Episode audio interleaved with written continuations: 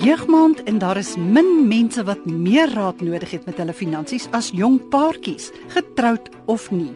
Baie welkom by Rand en Sent op RSG 100 tot 104 FM. Ek is Helen Ukerman, jou gasvrou vir die volgende halfuur. Finansiële verskille is een van die grootste faktore in egskeiding vandag. Hoe kan ons vroeg al begin om ons verskille uit te stryk en ons geldsaake soos 'n span te hanteer? Telefonies by ons in die ateljee is Abraham van der Westhuizen, 'n adviseur vernoot van die finansiële dienste maatskappy Citadel en hy is in Kaapstad. Baie welkom Abraham.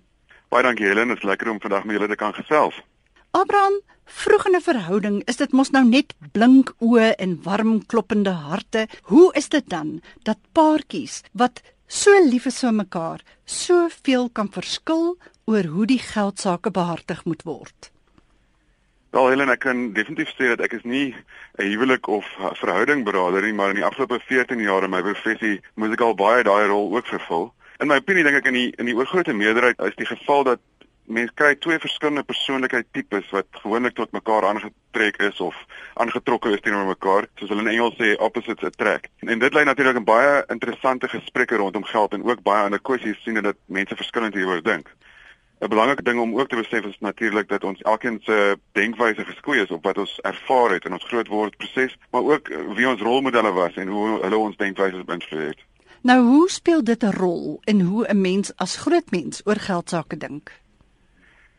Wel, jy weet, die een persoon sal met 'n rolmodel groot word wat redelik vrylik spandeer waar ander mense wel meer hulle soos my ouma altyd gesê het, hulle penny moet omdraai en seker maak dat hulle elke maand uitkom met hulle geld. As mens dit verder vat van risikoprofiele, jy weet, party mense het net 'n groter risiko-aptyd as ander en party is meer konservatief weer. So as jy twee persoonlikheidstipe het wat heeltemal verskil, en verskillende idees het rondom hoe mens met geld werk, gaan jy altyd 'n bietjie van 'n um, ongemaklike gesprekke hê. Jy sê jy het nou in die afgelope 14 jaar al die baie keer die rol vervul bietjie van 'n huweliks of 'n verhoudingsberader. Kan jy vir ons vertel? Kan jy vir ons 'n voorbeeld gee? In my professie weet ons raak baie reg betrokke by families en hulle beplanning en beleggingsstrukture en as 'n resultaat daarvan, jy weet, is daar twee partye wat jy vertrou en 'n uh, baie groot vertrouensverhouding met jou bou en wanneer sulke paadjies skei jy weet wil hulle half amper hê jy moet kante kies maar eintlik moet jy objektief bly en onemosioneel daaroor dink en vir hulle die regte advies gee as dit kom by so iets. As hulle paadjies nou nie skei nie? As hulle paadjies nie skei nie is dit 'n is dit 'n kwessie van om hulle te help en dit te lei na 'n plek toe waar hulle kan verstaan wat die gevolge sal wees van sekere besluite rondom finansies. Baie keer is 'n party in die verhouding nie noodwendig so ingelig soos die ander een nie en dit veroorsaak baie keer dat daar 'n wanpersepsie is rondom wat eintlik moontlik is of wat die realiteit is rondom finansies en wat se doele hulle kan behaal of nie. Baie paartjies praat glad nie oor geld nie. Amper asof dit verbode terrein is. Hulle glo dat alles goed sal verloop as hulle nou maar net lief is vir mekaar. Wat is jou ondervinding van daardie soort benadering? Jy weet mos nou nê hoe mense kan stil bly oor dinge wat pla en dan 2, 3 jaar later ontplof die een en die ander een het geen idee waaroor dit alles gaan nie. ja nee, dit is werklik so en definitief nie die geval nie. Interessant genoeg, ek en my vrou het destyds vir ons huwelik 'n baie interessante kursus gedoen wat baie klem gelê het op die permanente magstryd wat daar 'n verhouding is en en hoe mense deur goeie kommunikasie regverdig en optree en so 'n stryd kan vermy. Nou wat het julle geleer daar? Die realiteit is ongelukkig dat baie keer word finansies as so 'n magskaart gebruik. Ehm um, en dis vir my baie mense dit eerder as om daaroor te praat en ooplik te kommunikeer. Ons het net geleer mense moenie aanneem dat iemand verstaan wat aangaan nie. Jy moet eintlik die ander persoon die hele tyd lei en die inligting gee om die besluite te kan maak wat goed kan wees vir die verhouding. As jy nou die een is wat meer ingelig is. Ja, verseker. Ja. Maar selfs aan die ander kant want jy moet vir die ander persoon kan verduidelik hoe jy dink oor die goeders en ook dat as dit die verkeerde manier van dink is dat julle saam kan dit bespreek en besluit wat is die regte manier vir julle as 'n paartjie. Ja, so mense moet 'n baie oop gesprek daaroor hê. Dis reg. As 'n mens in 'n verhouding is en dinge raak nou redelik ernstig, 'n mens begin nou dink aan huis op sit, jy wil die skapies bymekaar jaag en al daai dinge, wanneer is dit die regte tyd om oor geld te begin praat? Ehm um, gister is gewoonlik die regte tyd. maar ek dink weet jy daai besluit jy wil in een of ander permanente verhouding inbeweeg of dit nou trou is en of dit net saam bly is, dink ek dat jy moet definitief voor die tyd seker maak dat jy mekaar verstaan rondom wat julle doelwitte is, wat die realiteit is van uitgawes en inkomste en ook watter party verantwoordelikheid gaan neem vir watter gedeelte van so 'n huishouding. En natuurlik ook dat mense regtig, ek dink jy het nou nou daarna verwys dat mense regtig verstaan hoe die ander een na geld kyk en ook dat jy voor die tyd hierdie verskille agterkom en kan Zeker. saam uitwerk of jy wel dit kan saam vorentoe vat of nie. Ja, natuurlik is dit ook belangrik om te gaan as jy daardie gesprek kan hê en kan eerlik wees om te gaan besluit wat is jou sterkpunte en dan op elkeen se sterkpunte te fokus om dit te gebruik om vir julle as 'n span na 'n punt toe te kry. Ek lees nou die dag dat dit is in baie gevalle eintlik die vroue wat 'n huishouding se geld bestuur. Stem jy saam daarmee? Dit is verseker waar. In my werk waar ek baie keer met mense sit en finansiële anal analises bou en ontledings en vooruitskattinge. Meeste van die tyd as jy vir die man vra wat eintlik in die begroting aangaan, het hy geen idee nie. Hy fokus op die inkomste gedeelte van, van daai ehm um, berekening waar die vrou is baie meer ingelig en weet presies wat spandeer word waar en baie keer ook meer realisties rondom wat moontlik is. Ja, en wat die kruideniersware koop en of jy daai nuwe matte in die sitkamer kan bekostig. Hulle is baie realisties rondom meeste van daai goed behalwe rondom skoene. Ek kan daarmee simpatiseer. Jy luister na Rand en Sent met Helen op RSG 100 tot 104 FM en ons gesels vandag met Abraham van der Westhuizen, adviseur vernoot van Citadel in Kaapstad. Dit is jeugmaand en ons kyk na jong paartjies en hulle geldsaake. Abraham, nou moet ons twee kies, ek en my eggenoot of een met wie ek in 'n verhouding is, oor geld gesels. Dit is natuurlik altyd 'n moeilike onderwerp, so hoe roer ons dit aan en hoe vermy ons 'n gestryery daaroor? Helen, ek dink die beste manier is om 'n gesamentlike begroting op te stel. Weerens wat vir my enige onduidelikhede rondom wat julle werklike uitgawes is en ook kwantifiseer wat julle eintlike spandering maandeliks is. En dit kan lei tot die opstel van gesamentlike doelwitte en kan help om die begroting aan te pas om die doelwitte realisties te maak. Nou, hoe stel ek 'n begroting op, Abraham? Moet ek elke dingetjie wat ek uitgee gaan neerskryf? Die beste manier is om dit te doen. Mense kan deesdae so maklik met Excel 'n ding opstel waar jy elke liewe uitgawe kan gaan insit en vir die volgende maand 'n beplanning doen om te sê sekere uitgawes gaan elke maand daar wees. Ander uitgawes mag miskien sporadies wees, maar kom ons maak voorsiening daarvoor elke tweede of derde maand of jaarliks en maak 'n aanname rondom 'n bedrag. En dan kan jy altyd terugkyk en sê wat was dit gewees en elke jaar sê jy dan beter kan beplan vir die toekoms want as jy dit kan rekord hou daarvan kan jy dan sien wat dit wat die eintlike uitgawes is. Hoe weet jy jou begroting klop? Wel op die einde van die dag moet jy minder spandeer as wat jy verdien. Dit is maar die belangrikste ding. Nie net moet jy minder spandeer as wat jy verdien nie, jy moet ook spaar vir onvoorsiene uitgawes of vir toekomstige uitgawes wat jy beplan om te hê soos 'n deposito vir 'n huis, 'n voertuig wat moet gekoop word of vakansies of kinders wat jy dalk mag wil hê. Daar's soveel permutasies van wat moontlik kan gebeur, maar elke persoon se doelwit is anderste. Ek dink ook wat mense baie keer nie aandink nie dat as jy spaar of belê, sê net maar R1000 'n maand, dan is dit eintlik 'n uitgawe. Verseker. Natuurlik hang dit af hoe jy spaar. Mense moet 'n baie goeie balans hê tussen aftree spaar en liquide of diskresionêre spaar. Die rede daarvoor is dat aftree geld natuurlik kan jy eers weer jou hande opkry op aftree ouderdom. En dan selfs het jy 'n keuse om eerder 'n vaste anniteit te koop wat vir jou 'n inkomste verseker vir die res van jou lewe of 'n lewensanniteit waar jy een keer 'n jaar 'n besluit kan maak watter persentasie daarvan jy trek. Maar daardie bedrag wat jy wegsit in aftreegeld gaan nie noodwendig vir jou daai deposito gee om neer te sit op 'n huis voor aftreding nie. Ja, want jy kan dit nie bykom nie. Verseker. Ja. Daar is wel voordele daaraan want jy betaal geen belasting binne in die aftreë voertuig terwyl dit daar belê is nie. En daar natuurlik kry jy beter saamgestelde groei as gevolg van daardie belasting wat jy nie betaal nie. Verduidelik bietjie vir ons daai term saamgestelde groei. Ek meen Einstein het dit die 8ste wêreldwonder genoem. Hoekom is dit nou so fantasties? Helen is eintlik baie eenvoudig en net om 'n eenvoudige voorbeeld te gebruik. As jy R100 belê vir 'n jaar en jy kry 'n 10% opbrengs op R100. Aan die einde van daardie jaar het jy R110 en jy het R10 se groei gehad.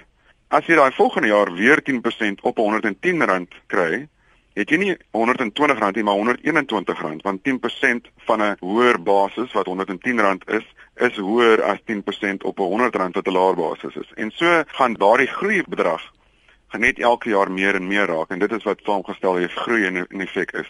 So dit is eintlik die bedrag wat tot jou spaargeld gevoeg word in die vorm van rente.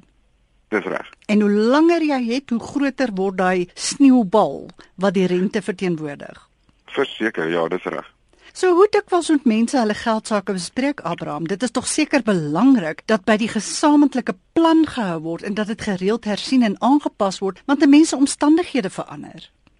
Ja, jy weet, en my opinie dink ek dit sal die beste wees om dit een keer per maand te bespreek, maar ons weet dat ons almal is besig en ons almal het, jy weet, ons hardloop na tyd en tyd is ons kosbaarste kommoditeit um, in elkeen van ons se lewe. So ek dink die beste manier is om daardie begroting of spandering net van rekord te hou en selfs al doen jy dit in 'n e-pos of jy doen 'n maandelikse net 'n gesprek rondom wat ons eintlik spandeer het, sal dit baie goed wees. Daar's eintlik 'n baie lekker en baie maklike manier om te doen en daar's 'n app wat jy kan aflaai van die internet af wat se naam is 227 of 227. Hoe skryf mens daardie 227?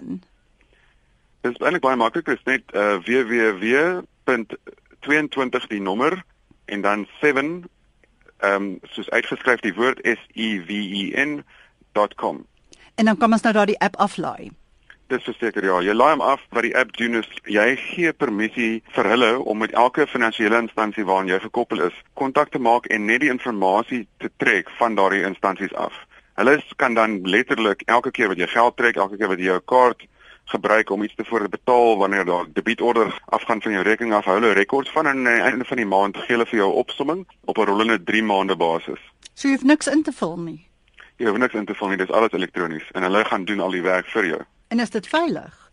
Ja, dit is verseker veilig. Ek gebruik dit self al vir 'n hele ruk en dit word eintlik besit deur Old Mutual. So dit is 'n groot instansie wat die agtergrond van hierdie ding doen.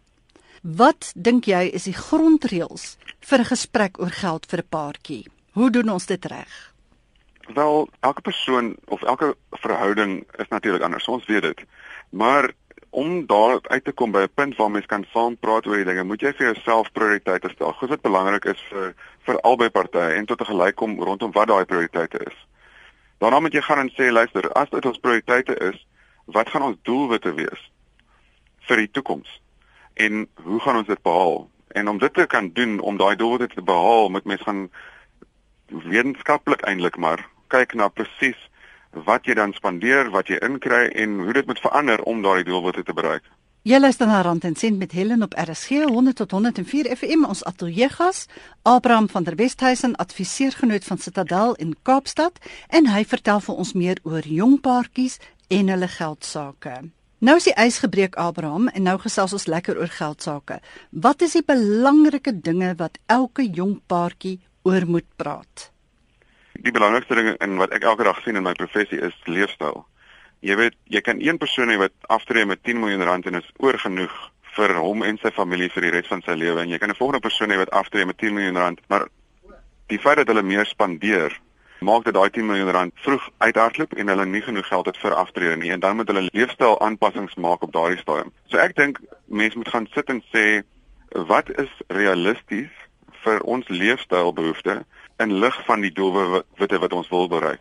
Dan moet natuurlik mense ook gaan kyk na beplanning, jy weet finansiële beplanning, beplanning vir onvoorsiene uitgawes. Hoeveel mense vir aftrede moet spaar, hoeveel mense diskresionêr vir liquide beleggings moet spaar en dan waar jy moet spaar. Wat is die mees belasting effektiewe plek om te spaar. In lig van dit, hoe beïnvloed dit jou boedelbeplanning? Jy weet watter tipe van belasting sal jy betaal as jy sou sterf? Hoe is jy getroud? Daar's so soveel dinge wat 'n rol speel en ek dink die beste manier om dit aan te spreek is om met iemand te sit wat mense kan help en mense leiding kan gee, soos 'n finansiële adviseur of iemand wat gekwalifiseer is om daai raad vir, vir jou te gee. Boedelbeplanning is al klaar 'n groot woord en gewone mense soos ek, ek kan nie vir jou praat nie, weet nie altyd hoe om dit te doen nie. Dit is maar die beste dan sê jy om 'n finansiële adviseur te nader om vir jou raad te gee en saam met jou daardie beplanning te doen. Absoluut. Dit is mens dink aan enigiemand soos jouself. Ek is nie noodwendig baie goed op radio nie, soos jy kan hoor, maar jy weet terwyl jy radio onderhoud doen, is ek besig om na geld sake te kyk. En so is daar 'n spesialistveld vir elkeen en ek dink mense moenie naïef wees om te dink jy kan alles self doen nie. Ek dink daar is mense wat dit self kan doen en as hulle dit kan doen, is dit wonderlik. Maar mense moet ook besef wat jou sterkpunte is en dat daar iemand anders is wat die hele tyd dit van monitor terwyl jy besig is om al daai welvaart te skep. Ja, ek dink die gevaar om dit self te wil doen is dat mens nie altyd weet wat jy nie weet nie. Presies. Dit is een van die belangrikste dinge in die lewe. Mens weet nie en mens besef nie eintlik waarop jy uitmis as jy nie verstaan waaroor dit eintlik gaan nie. Hoe belangrik is lewensversekering, 'n mediese fonds en beleggingsplanne as jy nog jonk is? Of wag 'n mens nou maar daarmee tot jy nou enig kinders het? Nee, verseker nie. Ek dink dit is ongelooflik belangrik om eerstens 'n mediese fonds te hê. Jy weet, ek dink nie jy moet heeltemal 'n omsigtige mediese fonds hê voordat jy kinders het nie, maar jy moet ten minste 'n hospitaalplan hê. Ek dink ook dat die maklikste manier om tekortkominge in mediese uitgawes voor te voorsien is om wat hulle noem gap cover te hê. Nou gap wat gap cover doen is basies dit is 'n baie goedkoper manier om die verskil tussen wat spesialiste jou sal vra in die geval van mediese groot mediese uitgawes en dit wat jou mediese fonds voorgaan voorsien om um, te dek. Die grootste probleem met daai mediese uitgawes kom is dat mense het 'n hospitaalplan of 'n mediese fonds en iets gebeur in hulle lewe en die volgende oomblik sê hulle ja, maar die spesialis het 400% van mediese fonds koerse gevra en jy is verantwoordelik vir daardie tekort. En dit kan 'n reuse bedrag beloop. Dit kan absoluut ongelooflike reuse bedrag beloop afhangende van wat natuurlik gebeur. Dan as ek dink net rondom beleggingsplanne en wanneer jy moet begin en so voort. Ons aanslag by Citadel is om meer wetenskaplik te gekwantifiseer wat jou behoefte is. Ons gaan doen vooruitskattinge vir die res van jou lewe en ons sit as jy nog nie kinders het nie, bou ons kinders in en ons sê wat se uitgawes daar rondom hulle gaan wees van opvoeding, van selfs troues, maar ook voertuie en die daaglikse uitgawes en dan mediese uitgawes wat teen 'n hoër koers as inflasie eskaleer. Maar as jy dit kan kwantifiseer, dan kan mens wetenskaplik sê wat jou behoefte is van 'n lewensdekking oogpunt. Maar as jy nou nog nie dit gedoen het nie, ek dink die die basisaanname wat jy moet maak is dat jy met genoeg lewensdekking hê om te voorsien vir enige skuld wat jy mag hê of laste wat jy mag hê. En dan moet mense ook nie vergeet dat daar's 'n moontlikheid dat iets met jou gebeur dat jy nooit weer kan werk nie, maar jy is nog op hierdie aarde. So mense moet ook kyk na lompsom ongeskiktheid dekking om te sê as iets met my gebeur dat ek nie weer kan inkomste verdien nie, is my skuld ten minste gedek. Die tweede vlak van ongeskiktheid dekking is om te sê as ek nie meer kan werk nie, moet daar wel 'n inkomste vir my voorsien word en daar kry mens inkomstebeskerming of inkomste ongeskiktheidsdekking. Hoe oud moet 'n mens wees voor jy begin beplan vir jou ou dag? Want jy weet Abraham as jy 21 is of 22, dan voel 60 soos 'n ewigheid ver. En dit is natuurlik ook sodat mense al hoe minder aftree, maar selfs al werk jy tot op hoë ouderdom, sal jy sekerlik tog ekstra geld nodig hê. Nee, verseker, dit is baie waar. Die interessante ding daarvan is jou belangrikste tyd van aftree spaar lê eintlik tussen 20 en 35 en dit is net as 'n resultaat van saamgestelde groei. So as jy 'n eenvoudige som gaan maak met saamgestelde groei en jy sê dat jy is byvoorbeeld nou 20 jaar oud en jy spaar R100 'n maand net vir die volgende 10 jaar. Op ouderdom 60 as daai R100 groei teen 8.5% wat baie konservatief is, sal dit R214 000 wees op ouderdom 60. Maar as jy eers op 35 begin spaar en jy spaar ook net R100 vir 10 jaar, op ouderdom 60 teen dieselfde groeikoers is daai spaargeld net R63000 werd. So, hoe vroeër jy begin, hoe beter. Absoluut. En ek dink as 'n basisaanname stel ons altyd voor dat jy tussen 15 tot 20% van jou inkomste spaar maandeliks tot aftrede. En of jy nou dit of in 'n aftreefonds sit of jy dit in 'n aandeleportefeulje of 'n wat hulle noem 'n ETF of exchange traded fund of effekte trust spaar waar jy ook al spaar, dit moet ten minste tussen 15 en 20% van jou inkomste wees. Maar baie mense sal nou vir jou sê hulle kan dit nie bekostig nie. Wat is jou raad aan hulle? op die einde van die dag die feit dat jy dit nie kan bekostig nie is weer eens 'n teken dat jou leefstyl te hoog is. So dan moet mens kyk om jou leefstyl aan te pas. So spaar dan wat jy kan spaar en werk met 'n mikpunt om by daardie 15 tot 20% uit te kom. Maar nou klink dit darm vir my vreeslik kwaai en formeel. Ek meen as al my geld nou so presies uitgewerk word tot ek eendag aftree oor 40 jaar, het ek dan darm ook nog geld vir bietjie pret. dit is ongelukkig nie my veld van ekspertise nie. as jy nou 'n finansiële adviseur gebruik, word daar darm bietjie geld vir vrye tydsbesteding en so aan ook ingewerk verseker en dit is weer eens daardie gesonde balans wat jy tussen liquide spaar en aftree spaar moet hê. Ja. Want daardie liquide spaar stel jou in staat om te sê as my doelwit is ek wil oor 5 jaar 'n lekker oorsee se vakansie hê en dit gaan jou 100 000 rand kos vir jou en jou vrou of jou man, dan moet jy op 'n manier spaar wat jou in staat gaan stel om dit te doen. En dit is weer eens die berekeninge en beplanning wat so adviseer vir jou kan doen. En natuurlik liquid beteken dit is beskikbaar. Dit is beskikbaar, ja. Ja. En daar's iets wat baie belangrik is dit uitstaan vir ons, is jy kan nie net groei na jaag as dit by beleggings kom nie, want as jy weet dat jy 100 000 rand gaan nodig hê kom ons sê oor 2 jaar, kan jy nie daai 100 000 rand in die mark belê in aandele waar jy die risiko loop dat die mark 'n korreksie het en dit neem af met 30 tot 40% nie. Ja, dan jy skielik plek van 100 skielik net 50. Presies. So Ja. As jy beplanning kan doen rondom jou leefstyl, kan jy dan ook beplanning doen rondom waar jy belê en hoe jy belê om by daai leefstyl van jou aan te pas. Wat is jou raad as een van die twee wat nou 'n paartjie maak, die lekker lewe wil geniet en net uitgee terwyl die ander een meer suiwig van aard is en wil spaar en belê? Hoe kom die twee tot 'n vergelyk? Ek dink weer eens dat indien jy realisties kan kwantifiseer wat jou spandering regtig is en dan dit vergelyk met die doelwitte van huiskoop, kindersonderhoud, daardie tipe van dinge, aftrede, sal jy vinnig besef dat die lekker lewe nie in staat gaan stel om daardie doelwitte te bereik nie. Ek dink dit is baie goed om 'n onafhanklike party in so 'n geval te betrek, soos 'n finansiële adviseur om onpartydig te wees, maar ook realistiese berekeninge te kan gebruik om vir jou en jou vennoot, jou man of vrou 'n finansiële padkaart te kan bou wat net op julle van toepassing is.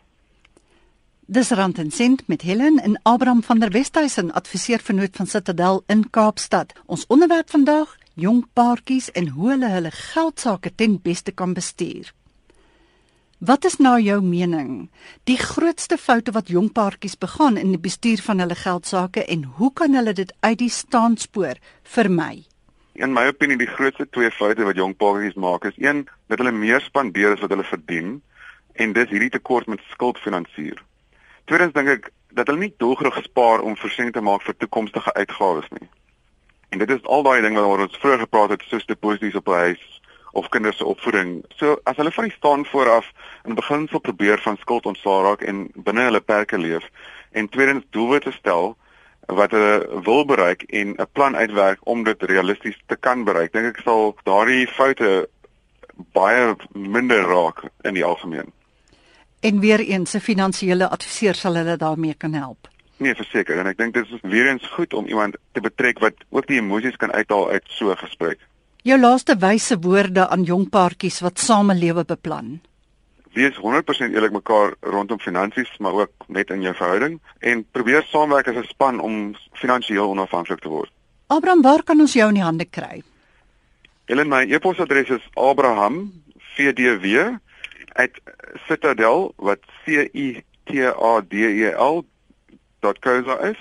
My direkte lyn by die werk is 021 670 9103 en my selfoonnommer is 084 3377994. Jy kan vir Abraham e-pos stuur by abrahamvdw, dit is nou vir van die Westhuizen by citadel.co.za of bel hom op kantoor 021 670 9103 of op sy selfoon 0843377994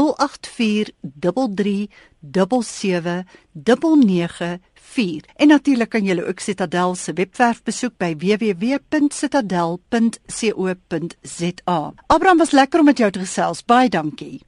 Baie dankie Helen, dit was lekker om jou te gesels en ek hoop ons luisteraars kan dan 'n bietjie waarde uit my gesprek kry. Dit was Abraham van der Westhuizen van Citadel in Kaapstad oor jong paartjies en hulle geldsaake. Volg my gerus op Twitter by Handvatsel Helen Ukerman of op Facebook by Rand en Sent Helen Ukerman. Jy kan ook e-pos stuur na helen.uek@gmail.com. Onthou dat hierdie program in MP3 formaat van RSG se webwerf afgelaai kan word by rsg.co.za. Lekker Sondag verder. Dit is Helen Ukerman wat groet. Volgende Sondag om 12:30 is ons terug in die ateljee.